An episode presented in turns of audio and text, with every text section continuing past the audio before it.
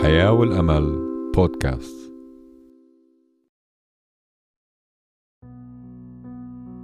أحييكم أجمل ترحيب أحبائنا المستمعين في برنامج الحياة والأمل. منصلي لنهار مليان بالفرح والرجاء مع إذاعتنا الحياة والأمل AWR 360 منرحب بكل مستمعينا في كل أنحاء العالم أينما كنتم نحن معكم ولأجلكم وحلقتنا اليوم بعنوان الحياة هي المحبة. تقول كلمات الكتاب المقدس في الرسالة إلى كورنثوس الأولى الإصحاح 13 والآية 3 وإن أطعمت كل أموالي وإن سلمت جسدي حتى أحترق ولكن ليس لي محبة فلا أنتفع شيئا. وفي آية تاني بتقول في رسالة إلى اليوحنا الثاني الإصحاح الأول والآية السادسة أن يحب بعضنا بعضا وهذه هي المحبة. أن نسلك بحسب وصاياه هذه هي الوصية كما سمعتم من البدء أن تسلكوا فيها. اذا الحياة بتتلخص في المحبة.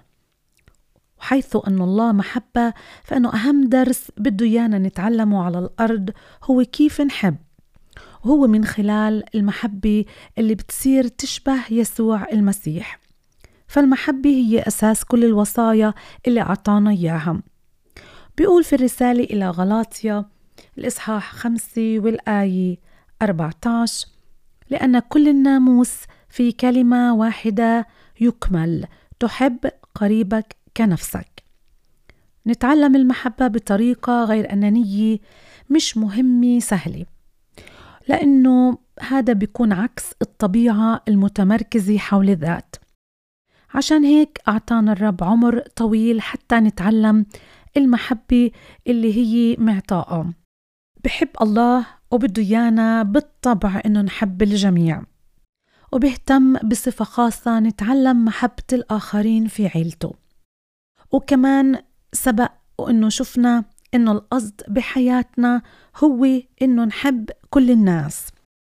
بولس الرسول بيقول في الرسالة إلى غلاطيا والإصحاح 6 والآية 10 فإذا حسب ما لنا فرصة فلنعمل الخير للجميع ولا سيما لأهل الإيمان. هون بتحدث عن الناس المؤمنين اللي تابعين يسوع اللي بطلب منهن إنهن يعملوا الخير للجميع. وكمان يحطوا الأولوية للناس اللي معهن في الكنيسة والمؤمنين معهن. ليش بصر الله إنه نتقدم في المحبة؟ وليه بده نعتني بالمؤمنين الآخرين؟ ليه بطلب من المؤمنين اللي تابعين يسوع إنه يضعوا المحبة أولوية في حياتهم؟ السبب لأنه الله بده إياهن يعرفوا إنه عيلته هي بوجد فيها شعار المحبة. والمحبة هي شيء أساسي بيناتهن قال يسوع عن محبتنا بعضنا لبعض بإنه المحبة هي بهذا يعرف الجميع إنكم تلاميذي إن كان لكم حب بعضا لبعض. بإنجيل يوحنا الإصحاح 13 والآية 35 واللي قالها الرب يسوع اللي فيها بيقول مهم إنه إحنا نحب بعضنا البعض ما نحب شو الديانة تبعتنا بتقول ولا عقائدنا ولكن نحب بعضنا البعض بدون شروط. وهيك منتمتع بعيلة الله كمان مش بس على الأرض كمان بالسماء. وعشان هيك لازم نعمل ونجتهد حتى نحب بعضنا البعض على هاي الأرض. الله بده يدربنا عن طريق إعطائنا مسؤوليات عائلية. على رأسها إنه نمارس المحبة لبعضنا البعض. الله بده يانا يكون إلنا حياة شركة حميمة ودائمة مع المؤمنين الآخرين اللي فيها منقدر ننمي مهارات المحبة. ما بنقدر نتعلم المحبة بوجودنا لنفسنا وبالعزلة ولكن بده يانا نكون اجتماعيين حلوين العشرة مع الآخرين مش ناس اللي بتثير الأعصاب ولا بتخيب الأمال ولكن بده يانا ناس اللي ينحب يكون آه، وجود الناس حوالينا وأيضا الناس تحب تكون معنا حتى نمارس المحبة كعيلة واحدة. خلينا نتعلم أعزائنا المستمعين اليوم في حلقتنا حقائق مهمة عن المحبة وشو المحبة في حياتنا وأهميتها. إذا أفضل استخدام للحياة هو المحبة.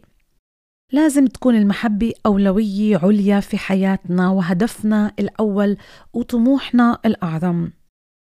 ليست المحبة جزء جيد من حياتك لكنها أعظم جزء منها. بقول الكتاب المقدس اتبعوا المحبة. ما بكفي نقول أحد الأشياء اللي أبتغيها في الحياة هي أن أكون محب كما لو كانت تلك هي واحدة من أهم عشرة أشياء على القائمة. ولكن أعزائنا المستمعين لازم تكون للعلاقات أولوية في حياتنا فوق أي شيء آخر. لماذا هاد الأمر لازم يكون؟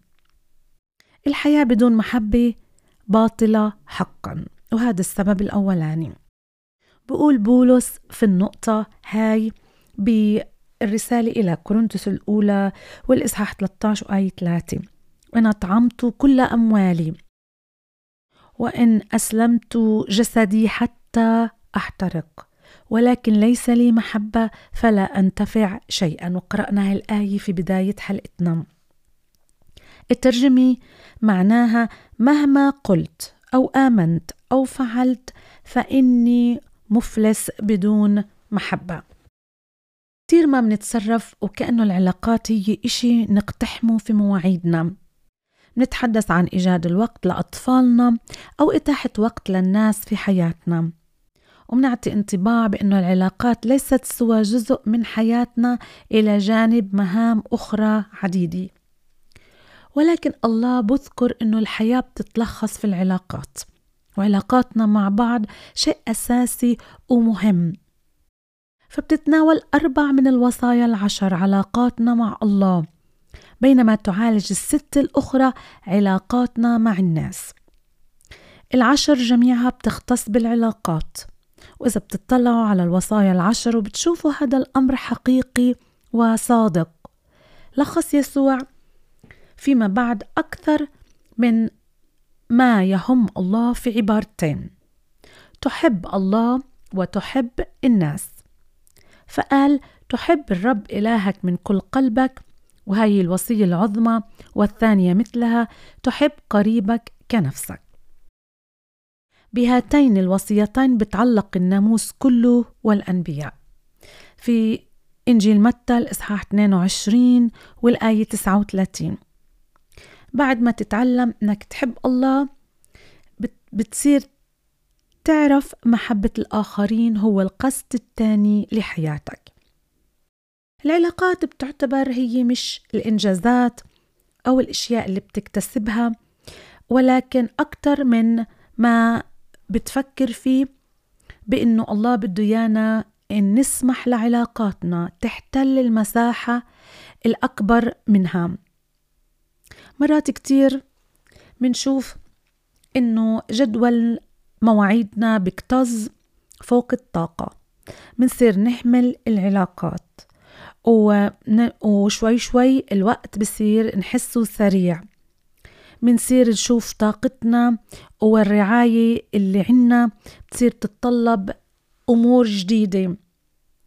فبتصير الأمور العاجلة تطغى على الأمور الأكثر أهمية بالنسبة لله. وهيك بتصير علاقاتنا تحتل المساحة الأصغر في حياتنا. المشغوليات عدوها إلا العلاقات. وأخي وأختي المستمعة لازم نعرف إنه لما منصير مشغولين بالعيش والقيام بأعمالنا مثل دفع الفواتير وتحقيق الأهداف منشوف إنه الحياة بتبت بتبطل إلها مغزى. ومنشوف إنه الحياة صارت بس عمل وتحقيق آه، مهمات ودفع فواتير وأمور أخرى في الحياة. ولكن المغزى من الحياة هو إنه نتعلم محبة الله والناس. فالحياة بدون محبة ما بتساوي شيئا.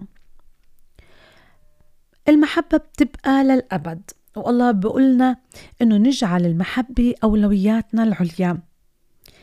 المحبة لازم تكون أبدية. بيقول بكورنثوس الأولى 13 والآية 13 أما الآن فيثبت الإيمان والرجاء والمحبة. هذه الثلاثة ولكن أعظمهن المحبة. ولاحظوا هون بقول الإيمان لازم يكون ثابت والرجاء لازم يكون ثابت. والمحبة بقول هي موجودة ولكن هي أعظم من الأمرين اللي ذكرناهن الإيمان والرجاء. فالمحبة بتترك ذكرى خالدة. الكيفية اللي عملت فيها الناس و كيف أنت تصرفت مع الآخرين وليس ثروتك أو إنجازاتك واللي هي أكثر تأثيرات ثبات اللي ممكن إنه نتركها على الأرض. قالت الأم تريزا أكيد هي معروفة للمستمعين وهي أحد الراهبات اللي كرست نفسها لخدمة الرب في الهند اللي عاشت وسط آه، الناس المرضى في مرض البرص اللي كانوا متروكين ومهملين حتى الموت. وهناك الأم تريزا عاشت وبنت مرافق كثيرة ومؤسسات كثيرة لهؤلاء الناس حتى تحتويهم وتعتني فيهم. فبتقول الأم تريزا لا يهم ما تقوم به وإنما كم المحبة التي تضع فيه. إذا المحبة هي سر الميراث الدائم. إذا كنت إلى جانب فراش الكثيرين في لحظاتهم الأخيرة لما كانوا يقفوا على حافة الأبدية ما سمعت واحد منهن بقول أكيد أخي وأختي المستمعة بقول أحضروا لي شهاداتي. أريد أن ألقي نظرة عليها للمرة الأخيرة. أو أروني الجوائز والميداليات التي حصلت عليها. والساعة الذهبية التي أهدي أهديت لي. ولكن أعزائنا عند انتهاء الحياة على الأرض لا يحيط الأشخاص أنفسهم بالأشياء بل إنما نبتغيه حولنا هو الناس الذي نحبهم ولدينا علاقات معهم. إحنا بندرك بهذا الوقت إنه اللحظات الأخيرة في الحياة تتلخص في العلاقات ومن الحكمة تتعلم هاي الحقيقة بدل من إنك تتعلمها بعدين. ما تستنى حتى تصل للفراش الموت حتى تكتشف إنه ما في شيء أهم أكتر من إنه يكون إلنا علاقات ومحبة للآخرين اللي حولنا. إذا المحبة هي هدف حياتنا وهي حياتنا اللي لازم تقيم على أساسها في الأبدية. كتير مرات الله بقيس نضجنا الروحي كمؤمنين وتابعين المسيح بنوعية علاقاتنا. فبقول الله في السماء أخبرني عن مجال عملك وحسابك المصرفي وهواياتك. لن يقول الله تعال وقل لي قديش حسابك وشو هي هويتك أو هوايتك. لكنه رح يجي ويراجع معك كيف تعاملت مع الأشخاص الآخرين خصوصا المحتاجين. فذكر يسوع المسيح الطريقة لمحبته هي إنك تحب عيلتك وتهتم باحتياجاتهم العملية. بيقول الحق أقول لكم بما أنكم فعلتموه بأحد إخوتي هؤلاء الأصاغر فبي فعلتم. لما مننتقل للأبدية رح نترك كل إشي خلفنا. فكل ما سوف تأخذ معك هو شخصيتك زي ما بقول الكتاب المقدس. لأنه في المسيح يسوع لا الختام ينفع شيئا ولا الغرلة بل الإيمان العامل بالمحبة. بالرسالة إلى غلاطيا والإصحاح خمسة والآية ستة. لما منعرف هذا الإشي بقترح عليك إنك تستيقظ كل صباح تركع عند سريرك أو تجلس على حافته وتصلي هكذا. يا الله سواء قمت بعمل أي شيء آخر اليوم فإني أريد أن أتأكد إني أقضي وقتا في محبتك ومحبة الآخرين لأن ذلك هو كل ما يختص به الحياة. ما بدي أضيع هذا اليوم ولكن خليني يا رب أقضيه بإني أتعامل مع اللي حوالي بالمحبة اللي علمتني إياها. ليش لازم على الله يعطيك يوم آخر؟ إذا أنت كنت رح تضيعه. إذا أفضل تعبير عن المحبة هو الوقت. ولازم نتحدث أكثر عن هذا الموضوع لأنه بأياماتنا اليوم بنمشي في عداد آه، بالتنازل السريع لحياتنا. فتقاس أهمية الأشياء عن طريق كم الوقت اللي بترغب في إنك تستثمره فيها. كلما أعطيت وقتا لشيء كلما ظهرت أهميته وقيمته بالنسبة لك. إذا كنت بدك تعرف أولويات أحد الأشخاص انظر للكيفية اللي بيقضي فيها وقته. الوقت هو هديتك الأكثر قيمة لأنك لا تملك منه سوى مقدار محدود. يمكنك أنك تكسب المزيد من المال لكن ما يمكنك أنك تكسب المزيد من الوقت. وبالفعل أعزائنا لما بتعطي الأشخاص وقتك فأنت بتقدم لهم نصيبا من حياتك. ما بتسترده مرة أخرى أبدا. إذا الوقت هو حياتك. عشان هيك هو أعظم هدية بتقدر تعطيها لشخص هي وقتك. لا يكفي مجرد القول بأن العلاقات هامة. علينا نثبت آه هذا الأمر عن طريق استثمار الوقت فيه. فالكلمات وحدها بلا قيمة. فبقول في الرسالة إلى يوحنا الأولى 3 18 يا أولادي لا نحب بالكلام ولا باللسان بل بالعمل والحق. فبتتطلب العلاقات وقت وجهد أفضل إيه، لحياتنا اللي إحنا عايشينها. فأفضل الطرق لنطق كلمة محبة هي وقت.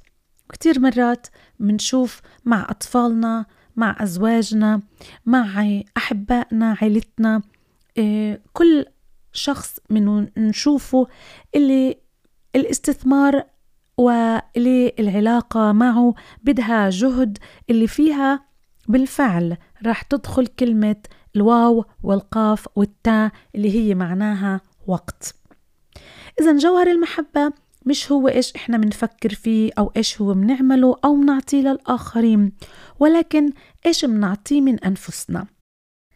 الرجال على وجه الخصوص غالبا ما بفهموا هذا الأمر فبقول الكثيرين منهن لا أفهم زوجتي وأولادي إني أقدم لهم كل ما يحتاجونه ما الذي يرغبون فيه أكثر من ذلك؟ إنهم يريدونك أنت عينيك أذنيك وقتك انتباهك وجودك تركيزك أي وقتك. وما ممكن لأي إشي بوخد مكان هذا الأمر. فأكتر الهدايا اللي بدنا إحنا نعطيها واللي هي مرغوبة للناس واللي حوالينا هي المحبة. لا الجواهر ولا الورود ولا الحلوى. ولكن الاهتمام والتركيز في المحبة. المحبة بتركز بكثافة على الآخر حتى إنه أنت بتنسى نفسك في هاي اللحظة. فالاهتمام بعني إني أقدرك لدرجة إني أعطيك أكثر شيء ثمين لدي وهو وقتي. في كل مرة أخي وأختي المستمع والمستمعة بتعطي فيها وقتك فأنت بتقوم بالتضحية. التضحية هي جوهر المحبة وكان يسوع مثال لهي المحبة. فبيقول في أفسس خمسة اثنين واسلكوا في المحبة كما أحبنا المسيح أيضا وأسلم نفسه لأجلنا قربانا وذبيحة لله رائحة طيبة. بتقدر تعطي بدون محبة ولكن ما بتقدر تحب بدون عطاء. لأنه بيقول في يوحنا الإصحاح الثالث والآية 16 لأنه هكذا أحب الله العالم حتى بذل نفسه لكي لا يهلك كل من يؤمن به بل تكون له الحياة الأبدية.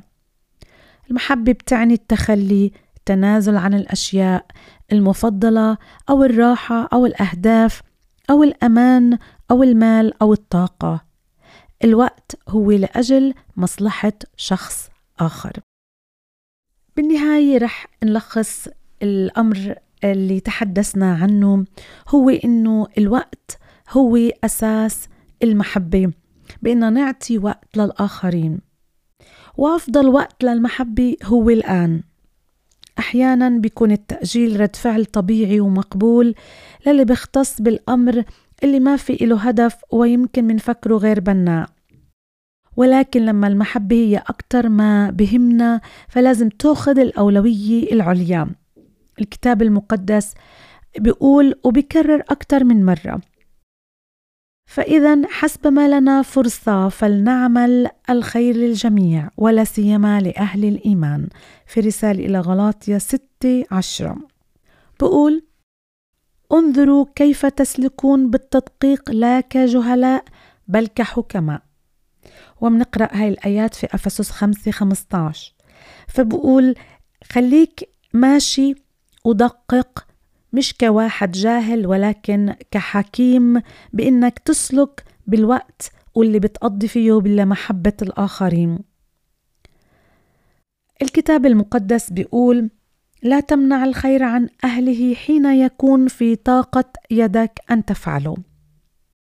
والرب بده إيانا إنه إحنا نعيش المحبة ويكون أفضل وقت عنا للمحبة لأنه ما بنعرف وينتا رح يكون عنا فرص تانية. الظروف بتتغير والناس بتموت والأطفال بتكبر ولكن اللي بيبقى هناك هو المحبة. إذا بدك تعبر عن المحبة فمن الأفضل تقوم بهاي المحبة بهذا الوقت. بما إنك بتعرف إنه لازم توقف يوم قدام الله عشان هيك أسئلة كتير بتحتاج إنك تفكر فيها. السؤال الأول هل أنا بقدر أعمل هذا اللي بتقولي عنه أو بتحكي عنه إنه الحياة تكون كلها محبة؟ في الحقيقة لا ما بتقدر إنك تعمل هذا الشيء بنفسك. عليك تطلب معونة من الله. ولما أنت بتآمن في المسيح واللي هو بيعطي هاي المعونة وبتقبله مخلص وبتتوب عن خطاياك وتقول له يا رب أنا ما بعرف أقوم بالمحبة هاي لأنه رح تكون أنانية ولكن بس أنت اللي بتقدر تعيني وتعطيني هاي المحبة. فيها الله رح يسكب محبته فيك ورح تفيد هاي المحبة وتخليك تفكر في الآخرين. قبل نفسك. بتخليك تفكر في محبة الآخرين. قبل ذاتك ونفسك. في يوم رح توقف قدام الرب ورح يسألك كيف أنت قضيت حياتك. كراهيتك للناس. انعزالك عنهن. أنت محبة نفسك ومش مشغول في مشغوليات الحياة. وتركت أهم شيء إنك تحب الآخرين. ولا رح تكون انت عايش للرب يسوع ومعطي للرب أفضل وقت بإنك تحب الآخرين بإنك تعطي كل ما عندك بإنك تحب الناس اللي حولك. رب رح يسألك شو التضحيات اللي أعطيتها اليوم؟ شو اللي أنت عملته في مواعيدك اللي رتبتها لليوم؟ شو أفضل استخدام للوقت أنت عملته لهذا النهار؟ كل يوم الله بيسألك هاي الأسئلة. وحلو إنك أنت تجاوب تقول يا رب أنا استخدمته للمحبة وأنا يا رب أعطيت كل وقتي لكل من حوالي هو المحبة. أفضل وقت للمحبة هو الآن. وصلنا لنهاية حلقتنا. أعزائنا المستمعين لبرنامج الحياة والأمل كنت معكم أنا إيمان في الإعداد والتقديم من وراء الميكروفون.